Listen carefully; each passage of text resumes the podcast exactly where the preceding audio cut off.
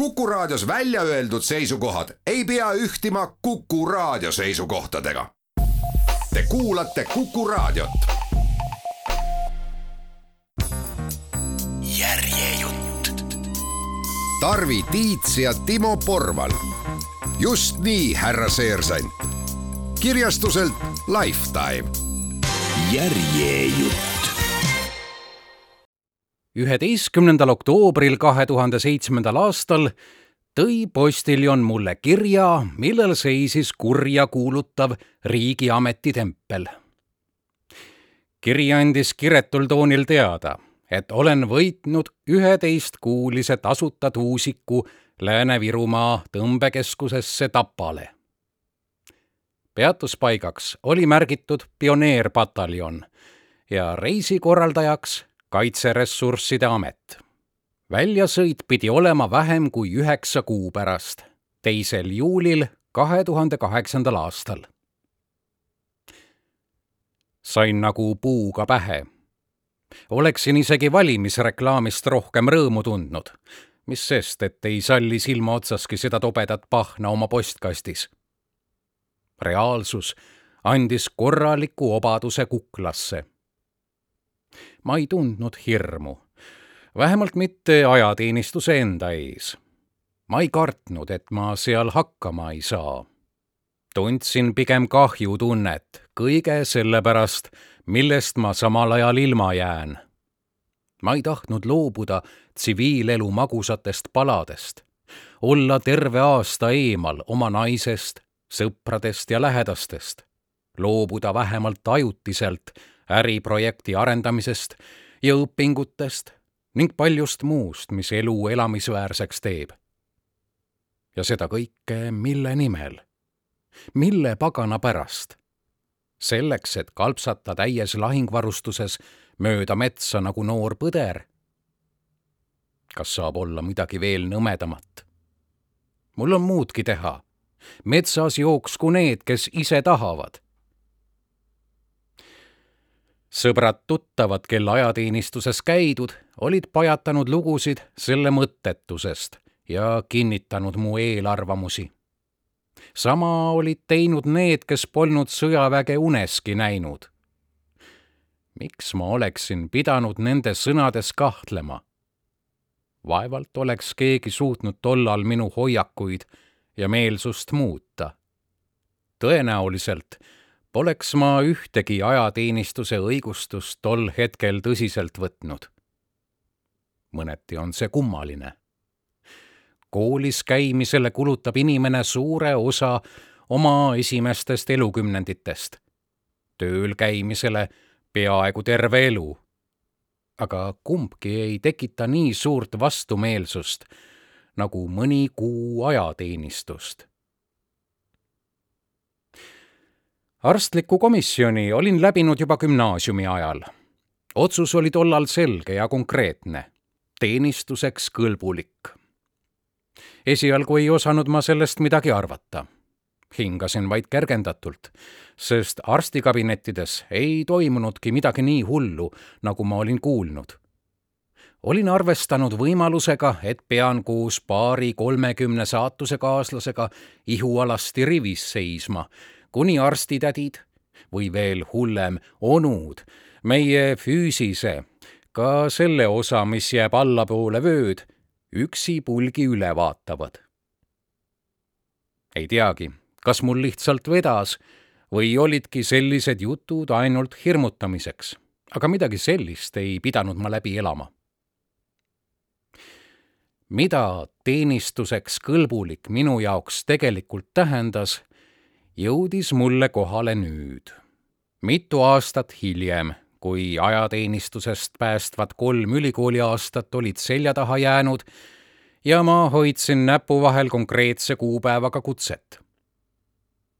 pean häbiga tunnistama, et sealsamas sündis otsus ajateenistusest tervislikel põhjustel eemale jääda. käisin seega järgmistel kuudel mööda arste ja simuleerisin seljavalu, mis kimbutas mind tegelikult sama vähe nagu issias või unitõbi. ma ei tundnud oma käitumise pärast sugugi piinlikkust, sest ajateenistus tähendas ju sisuliselt elu pausile panekut. pealegi oli sellisest teesklemisest saanud ühiskondlik käitumisnorm, mida harva keegi vaidlustas. näitemäng läks läbi. Arstid määrasid seljavalu jaoks massaaži ja ravivõimlemise jõudsin juba peaaegu isegi uskuma hakata, et mul on seljaga tõsine probleem, kuid loobusin siiski edasisest simuleerimisest, kuna see oleks juba liig olnud. ajateenistusse minek kahe tuhande kaheksanda aasta juulis oli tõsiasi, millega tuli leppida, meeldis see mulle või mitte. kui olukorda pole võimalik muuta, tuleb sellega kohaneda. umbes neli nädalat enne saatuslikku kuupäeva asusin ettevalmistusi tegema. lugesin Kaitseväe teemalist foorumit ja muud vähest infot, mida ajateenistuse kohta leida oli. füüsiliselt ma ennast ette ei valmistanud küll aga tegelesin enese vaimse häälestamisega eemalolekuks kõigest sellest, millest koosneb mu igapäevaelu ühtäkki ei olnud igapäevatoimetused enam olulised. prioriteedid muutusid ja mul oli piisavalt aega, et keskenduda sugulastele ja sõpradele. veetsin palju aega nende seltsis ja pidasin mõttes järge juba nähtud inimestest ja neist, keda tahtsin veel enne viimset päeva näha. lugesin läbi kapiserval oma õiget aega oodanud raamatud ja tegin teoks nii mõnegi mõtte, milleks seni polnud aega leidnud. püüdsin asjad sättida nii, et minu eemaloleku ajal kõik sujuks ja laabuks. Endal oli ka juba tunne, justkui valmistuks millekski fataalseks. lauluread Maailma lõpus on kohvik, kus kunagi kohtume kõik omandasid igatahes nüüd hoopis uue tähenduse. tagantjärele ei saa öelda, et see nii dramaatilisena tundunud periood oleks kuidagi ebameeldiv olnud. Sel ajal, kui mu lähedased muretsesid mind ees ootava katsumuse pärast, nautisin mina ühte muretumat etappi oma elus. puudusid ju tähtajad ja kohustused ootused ja nõudmised. kohtumised ise olid täis häid sõnu ja soove, lubadusi hoida ühendust ja anda üksteisele oma tegemistest võimalikult sageli märku. paljud said nähtud ja paljud jäid nägemata.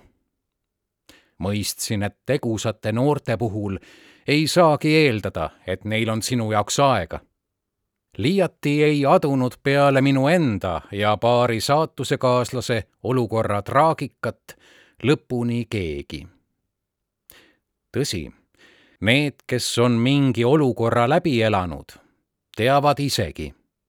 ja need, kes pole, ei mõista seda kunagi lõpuni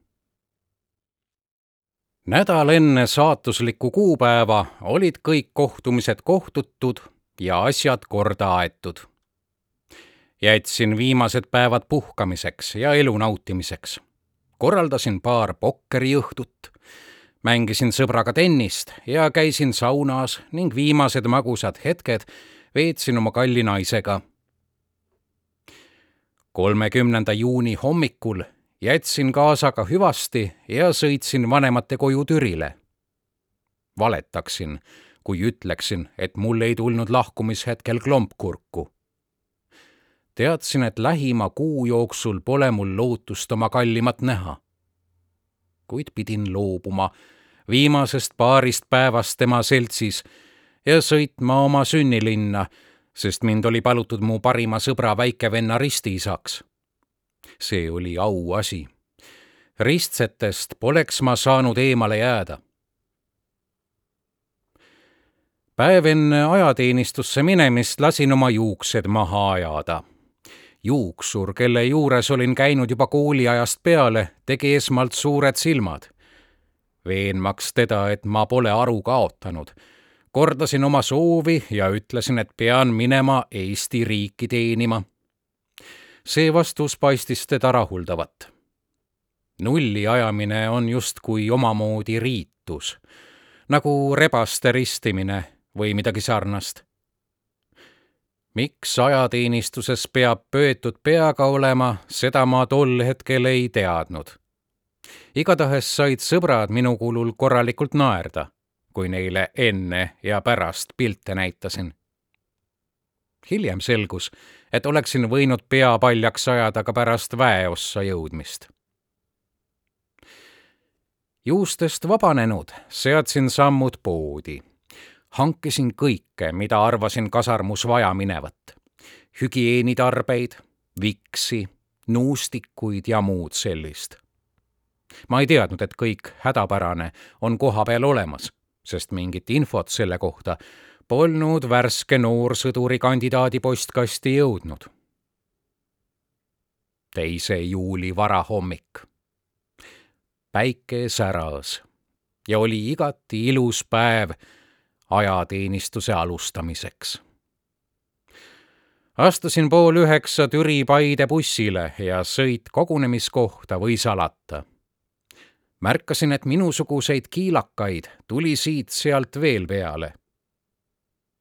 tundus, et kaasreisijadki tajusid, kellega tegemist tädikesed naeratasid lahkesti ja pakkusid vaat et kohati sõdurihakatistele istetki. kohale jõudnud oli veel aega üheks jäätiseks. istusin poe ees pingil, nautisin päikest nagu vana kõuts ja maiustasin. teadsin, et järgmine selline imeline võimalus tuleb mul alles üheteist kuu pärast. võtsin hetkest teadlikult viimast, mõtlemata laigulistele riietele ja seerude röögatustele. Carpe diem siis sammusin kogunemiskohta, kust mind ja teisi saatusekaaslasi pidi bussi peale pandama ning Tapale saadetama. saatusekaaslastest avanes üsna kirju pilt. seal oli tudengeid, isasid, abikaasasid, firmajuhte, ehitajaid, sulisid ja doktorante. pooltel parukad alles, pooltel pöetud pead nagu mull mõnel paistsid eelmise õhtu hüvastijätupeost käed värisevat. hea meelega oleks neile kahjutundest pudeli ulatanud. oli nii neid, kes paistsid hirmust kohe-kohe püksi tegevat, kui ka neid, kes tundsid ennast väga lõbusalt. üks asi oli kõigil ühtmoodi. kõik olid Eesti mehed või vähemalt Eesti Vabariigi kodanikud kell kümme null viis oli buss ees, et kogu see kirju kamp peale võtta ja neist üheteist kuuga mehed teha. enamik meist oleks tahtnud ilmselt otsa ringi pöörata ja koju tagasi minna. aga pärast ID-kaardi ettenäitamist ja allkirja andmist juhatati meid kõiki ikkagi bussi. istusin akna alla ei mäletagi, et ükski bussisõit oleks kunagi varem nii palju rahuldust pakkunud. mitte sellepärast, et tahtsin kohale jõuda. oh ei. teadsin lihtsalt, et see sõit on lähema kuu jooksul ilmselt kõige meeldivam asi, mis mul teha õnnestub. tundsin, kuidas ärevus hakkas vaikselt kasvama ja seda oli järjest raskem varjata kindlustunnet andis vaid teadmine, et olen ennast selleks katsumuseks nii hästi, kui oskasin, ette valmistanud. paraku reisikirjade lugemisest mägi ronimiseks ei piisa. sõit Tapale kestis mõnikümmend minutit parajasti nii palju, et sain ennast mõnusalt sisse sättida ja mõtted mujale juhtida millisekundiks suutsin vist isegi unustada, kuhu need bussirattad meid viivad.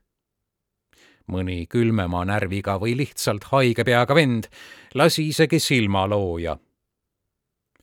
keerasime Narva maanteelt maha Tapa-Loobu maanteele. näis, et siin antakse veel valida Tapa või Loobu. oleksin meeleldi viimase valinud, ent see polnud minu teha. Tapa linna sisenemine tekitas reisiseltskonnas elevust. nii et see siis ongi see endine ja praegune sõjaväelinnak, mõtlesin endamisi sellest, et Tapal paiknesid Nõukogude sõjaväeüksused, olin ähmaselt midagi kuulnud.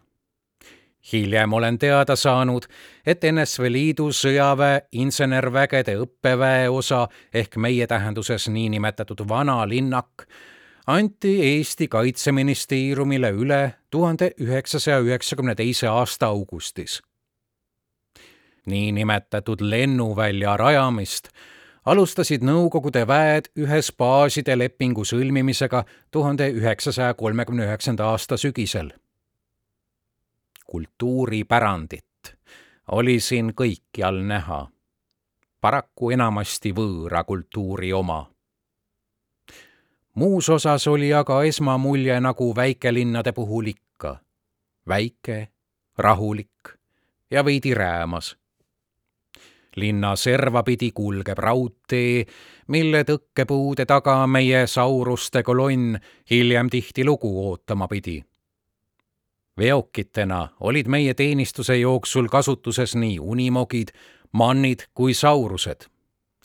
põhiliselt kasutasime kahte esimest, viimaseid episoodiliselt teenistuse lõpupoole tagalarühmas olles.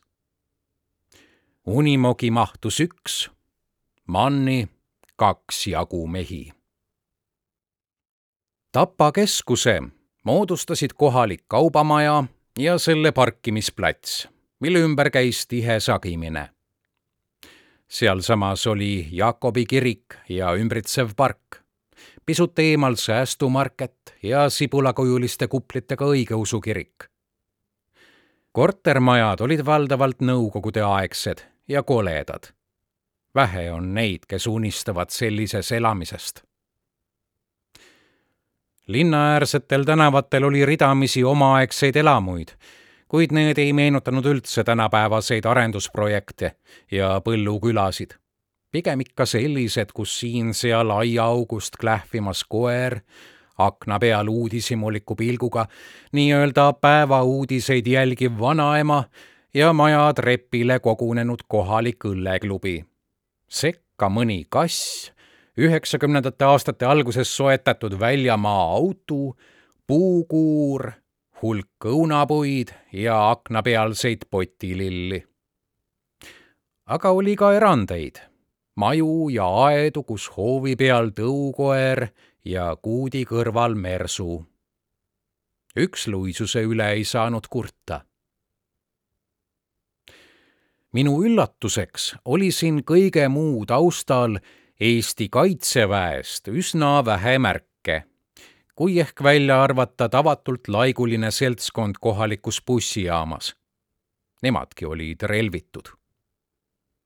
olin oma teadmatuses ja rumaluses oodanud midagi muud. vististi kõrvalosatäitja rolli ameerikalikus sõjafilmis. teate ju küll karjade kaupa hambuni relvastatud ja röökivaid mehi mööda tänavaid marssimas. Nende vahel vuravad kuulipildujatega hummerid, ülelendavate hävitajate müra, telklaagrid, kamp pommikindlaid mehi basuukadega igal tänavanurgal. ilmselgelt oli mu ettekujutus tänapäevasest väljaõppekeskusest vildakas midagi filmilikku seal otse loomulikult polnud. Esimesi tõsisemaid märke kaitseväest ja muust militaarsest võis tegelikult näha alles linna serval, kus paikneb Kirde kaitseringkonna Tapa linnaku territoorium ning selle juurde kuuluv tehnikapark. ent sealgi oli kõik üsna rahulik. pommikindlate geriljade asemel oli seal kamp erariietes äsja saabunud veidi kohmetu olemisega mehi. kõrvaltvaatajateks muhelevad mundrikandjad. Üsna pea liitusime selle seltskonnaga ka meie. mõni vabatahtlikult, mõni vabatahtlikult sunniviisiliselt, mõni vastumeelsust varjamata. siit algas üksteist kuud natuke teistsugust elu. ka need noorsandid, kes olid ennast asjaga omast arust korralikult kurssi viinud, ei osanud aimatagi, kui teisiti kõik on. reisiseltskonna rõõmus tuju haihtus vaikselt õhku ja pead vajusid järjest rohkem norgu. vabadusega oli selleks korraks jokk ja suvine liha grillimine jäi sedapuhku vahele. puhus erakordselt soe ja mõnus suvetuul, just selline, mida tahaksid tunda siis, kui pistad rannas varbad liiva sisse või mängid vollet suurel asfaldiplatsil kasarmute ja mundrikandjate keskel polnud suvetuul aga päris see ja mõnusa rannamelu asemel kostis kõrvu vaasak, vaasak, üks, kaks, kolm. Mõned ajateenijad olid saabunud päev või paar varem ning harjutasid marssimist. seda vasak, vasak, üks, kaks, kolm saime edaspidi omalgi nahal tunda. tülgastumiseni. sõna otseses mõttes söögi alla ja peale, just nagu mõnes Hollywoodi sõjafilmis.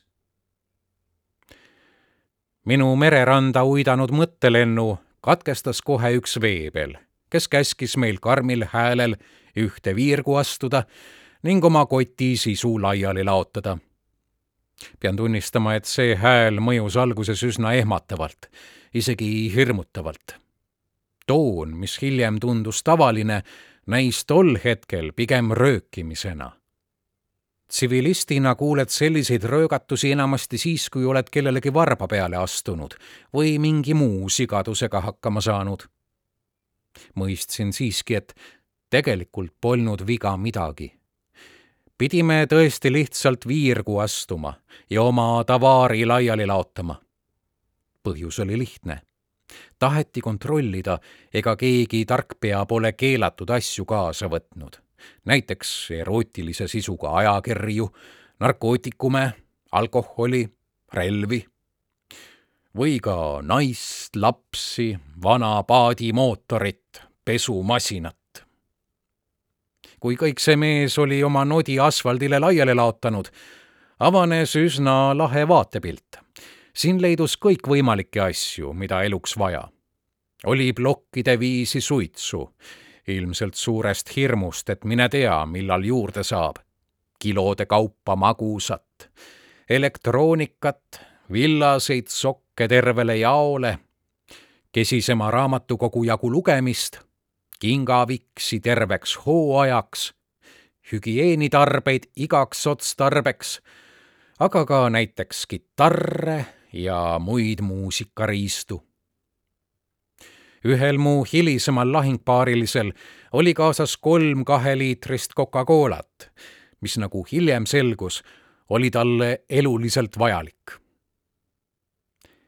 Teise maailmasõja aegu oleks kogu selle padajanniga terve kompanii ära varustanud. elukogenud mehena ei paistnud Veebel kogu sellest tränist sugugi üllatunud olevat. küllap oli sellist kaupa siia varemgi toodud. ta käskis ainult meestel suu mulgu kinni pidada ja mitte rahmeldada. Jäi koju naisele ka midagi, millega ta ennast mukkida saab sellise küsimuse peale ei osatud muidugi mitte mõhkugi kosta. suu pandi nende pilkavate kommentaaridega üsna kiirelt ja lõplikult lukku. hiljem, karastununa, poleks enamik meist vastust võlgu jäänud pärast puistamist liikusime edasi auditooriumisse, kus tegelesime pisut bürokraatiaga kahe tuhande viiendal aastal valminud uued õpperuumid olid igas mõttes eeskujulikud. nii mõnelgi ülikoolil pole sel tasemel auditooriume ette näidata. spikritest puutumata laudade taga jagati kõigile kätte pioneeripataljoni ja suurtükiväegruppi tutvustav materjal ning tühjade lahtritega paberilehed, mille pidime täitma andmetega perekonnaseisu ja muu sellise kohta. oli ka vaba mikrofon, lahter, kuhu sai kirjutada oma ootustest ajateenistusele ja muud säärast tulevastel autojuhtidel läksid silmad särama, silme ees terendasid C-kategooria load. Minagi tundsin huvi juhtimise vastu. nii et avaldasin soovi minna pärast sõduri baaskursuse ehk SBK läbimist edasi noorem allohvitseride kursusele ehk NAK-i. ankeedid täidetud, vaatasime Tapa väljaõppekeskust tutvustavat filmi. saime ülevaate üksustest ja eluolust mul oli hulganisti sõpru, kes olid enne mind Tapale tuusiku saanud. kuuldu põhjal olin väeosa juba enne videote nägemist välja valinud, sest pioneeripataljon pidavat olema see koht, kus saab elukogemust täie raha eest.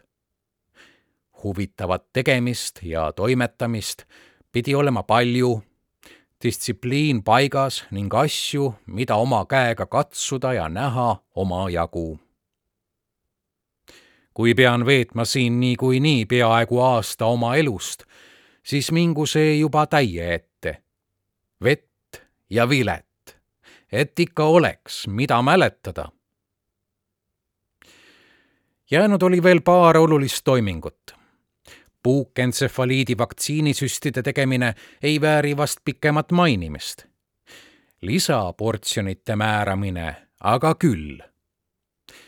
Saime umbes nelikümmend viis minutit koridoris passida, enne kui meid üle mõõdeti. meeter üheksakümmend oli see piir, millest alates anti meestele tavapärasele toiduportsjonile lisa. ohtu et pikemad ilma selleta nälga jääks, muidugi polnud. aga metsas olles kulus mõni rosinapakk või šokolaad lisaks ära küll. Nii juhtuski, et mingil seletamatul põhjusel kippusid tol päeval kõik mõõteriistad valetama.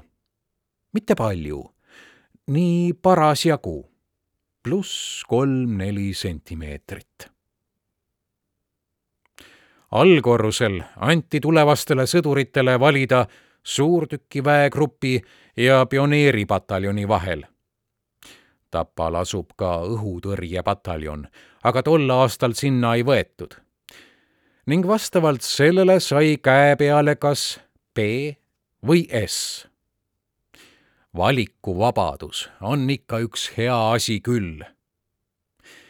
kõige õnnelikumad said lõpuks valida ainult P ja P vahel. Kohad suurtükipataljonis paistsid olema rohkem nõutud. eriti kippusid sinna vene poisid. väidetavalt on seal elu kergem ja distsipliin nõrgem. kas see tõele vastas või miks suurtükke eelistati, sellest pole mul siiani aimugi igatahes olid suhtumine ja hoiakud sellised, et omavahel naljatleti selle üle, kas ikka tasub neelt vajadusel kaartuld tellida. lõunasöögi ajal sai üks asi kohe selgeks. toidu pärast siin muretsema ei pea. süüa sai palju ja söök oli maitsev. lisaportsjon oleks mulle lausa üle jõu käinud ja paistis, et ega pikematelgi meestel sellega kerge polnud. Üliõpilasena oli minu toidulaud igatahes palju kesisem kui kaitseväes ja ka siis ei pidanud ma millestki puudust tundma. pärast sööki oli käes varustuse jagamise aeg. liikusime bussiga lattu ja paarikümne minutiga oli üheteistkümnele poisile kõik kätte antud. välja arvatud muidugi relv. Kõht täis ja varustus olemas, jõudsime kasarmu ette. siin pidime end järgmised üksteist kuud koduselt tundma.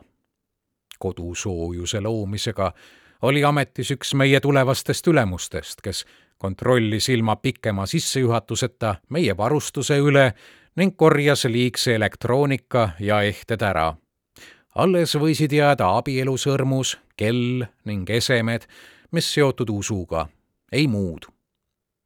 mobiiliga lubati veel teha viimane kõne lähedastele, kus paluti rõhutada, et oleme kohale jõudnud ning erakordselt õnnelikud ja rõõmsad muie, mis ülemuse näol oli, kui ta neid juhiseid jagas, ütles kõik. nii tema kui ka meie teadsime, et rahulolust ja ülevast meeleolust on asi kaugel.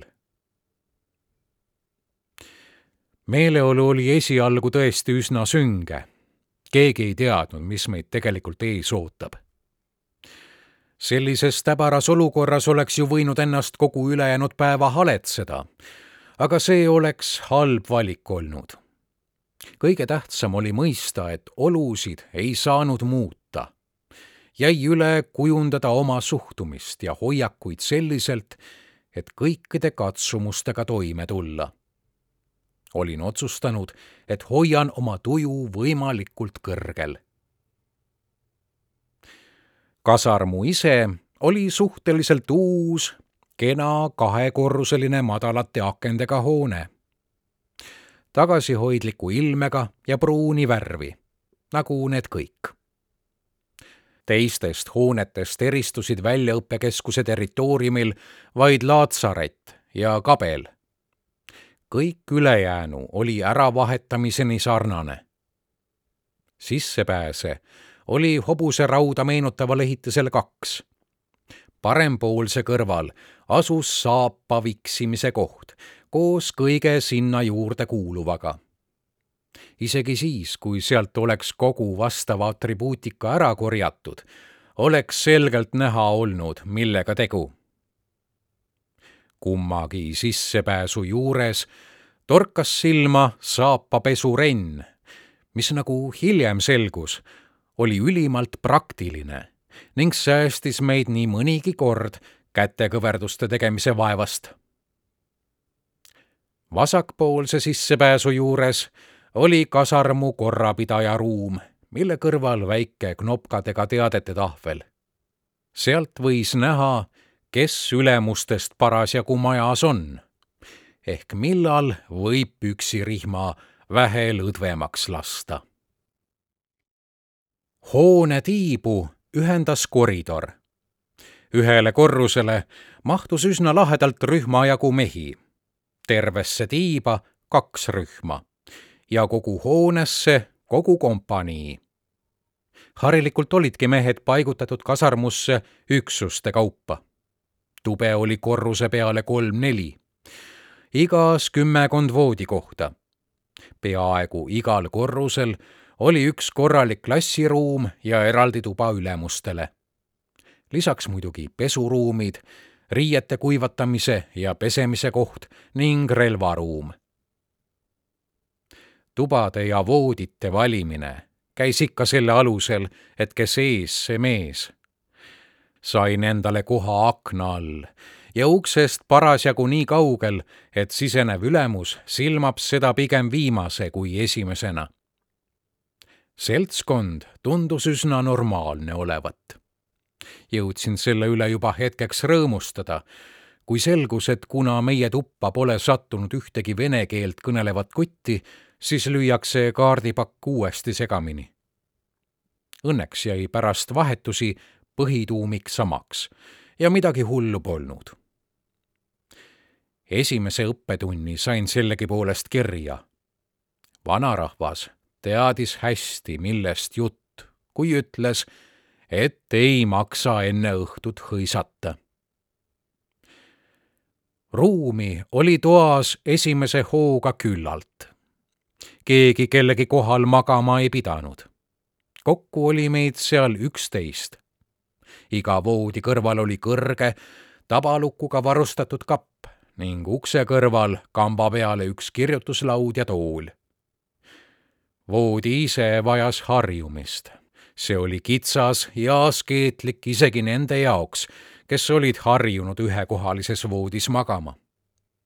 aga sellegipoolest pole ma magusamat tund kui selle poroloon madratsi peal eales maganud jalutsis oli igaühele taburet istumiseks ja elu üle järele mõtlemiseks. siis ei osanud me veel aimata, et samasse tuppa võib naride abil mahutada kaks korda rohkem mehi ning et hommikuti on õhk siis nii paks, et seda saab noaga lõigata üldmulje elamistingimustest oli hea tõsi, siin polnud midagi, mis oleks vähegi kodusemat tunnet tekitanud. aga kõik oli vähemalt viks ja viisakas.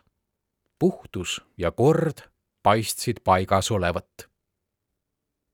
kui olime ennast enam-vähem sisse seadnud, oli aeg ennast põõsaks riietada harjumatu oli näha kaaslasi laigulistes riietes ringi siiberdamas. mõnda tegelast ei tundnud kohe alguses äragi mundri kandmise juures oli ridamisi detaile, mis võisid häda ja viletsust kaasa tuua. nööbid ei tohtinud kunagi lahti olla. saapapaelad pidid alati sees olema. müts pidi alati sirgelt peas olema ja hoidku jumal selle eest, kui kuskilt mõni pikem niidijupp välja paistis. vöörihm oli esimese hooga kõige ebamugavam see pitsitas ja pingestas. õhtuse rivistuse ajaks olid kõik korralikult ära pügatud. nii sammusimegi nagu kamp organiseeritud Chihuahuasid riviplatsi poole. kui kõrvaltvaataja oleks see pilt muigama pannud, siis mulle tundus, et paljas pea ja munder oli mehed tõsisemaks muutnud ja selja sirgemaks lükanud see vähene ülbus, mis veel alles oli, jäi kuskile kasarmu ette maha. taktsammu me erinevalt varem saabunutest veel ei osanud. vantsisime niisama ehk rivis ja haneridades. riviplatsil võtsime sisse määratud koha ja jäime suurte silmadega ootama, mis edasi saab. kõik üksused üles rivistatud hakkas väljaõppekeskuse korrapidaja nimesid ette lugema. äratundmisrõõmu korral pidi selge häälega karjuma mina. muidu tuli lihtsalt suu kinni hoida ja liikumatult seista. ei midagi üleloomulikku ega konti murdvat. ometigi ei saanud me sellega hakkama. Vene poiste mina oli piisav selleks, et kampa mehi naerutada. mitte, et see oleks nende suhtes halvustav või pahatahtlik olnud, see lihtsalt ajas naerma. hammustasin kõvasti põske, et naeru tagasi hoida. siis kostis kuskilt kellegi turtsatus ja kogu kamp irvitas jälle sama hooga edasi. aga kuhu see kõlbab? Karistuseks pidime pärast rivistust kümme minutit vaikselt ja liikumatult seisma. esimese korraga see muidugi ei õnnestunud. saime mitu korda otsast peale hakata. ülemused võtsid samal ajal stopperiga aega. ja oh seda rõõmu, kui keegi pärast seitset minutit ikka kuskil nurgas turtsatas. kokku saime niimoodi seista vast kakskümmend viis, kolmkümmend minutit. kannad lõid selle aja peale juba tuld. sest ega seegi polnud ülemustele meeltmööda, kui rivid kordamööda lainetasid. õpetussõnu ja sõimamist oleks neil muidugi kauemakski jätkunud. aga lõpuks saime tulema kasarmu ette jõudes läks kiireks riviplatsil lõbusalt aega veetes olime märkamatult ära kulutanud suurema osa sellest ajast, mis oli mõeldud õhtuseks pesemiseks kasimiseks. suitsumeestel jäi õhtune tobi tegemata ja ega keegi ennast kuigi rõõmsalt ei tundnud. kakskümmend kaks null null oli aga kõik see mees voodis pikali ja öörahu võisalata. Päevamuljete jagamiseks polnud kellelgi tuju ja toad olid vaiksed, mis sest, et akna taga oli alles suviselt valge ja und polnud. mõtlesin endamisi, et kuidas kurat hommikul kell kuus üles saada minutiga riidesse panna ja koridori jõuda. mida võtta, mida jätta, mida esimesena selga tõmmata. kuidas ma neid asju ka järjekorda ei seadnud, ikkagi tundus see ebareaalne. olin täiesti veendunud, et tõmban unesegasena trussikud pähe ja seon sokid salliks kaela või teen midagi muud jaburat küllap see kõik on ikka mingi nali või mõeldud lihtsalt hirmutamiseks, arvasin.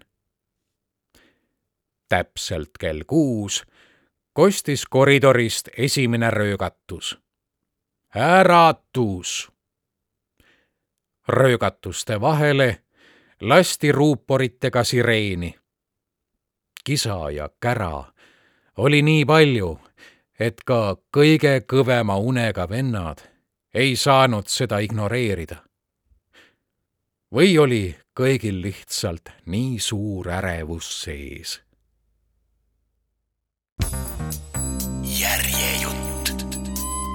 Tarvi Tiits ja Timo Porval. just nii, härra Seersant. kirjastuselt Lifetime. järjejutt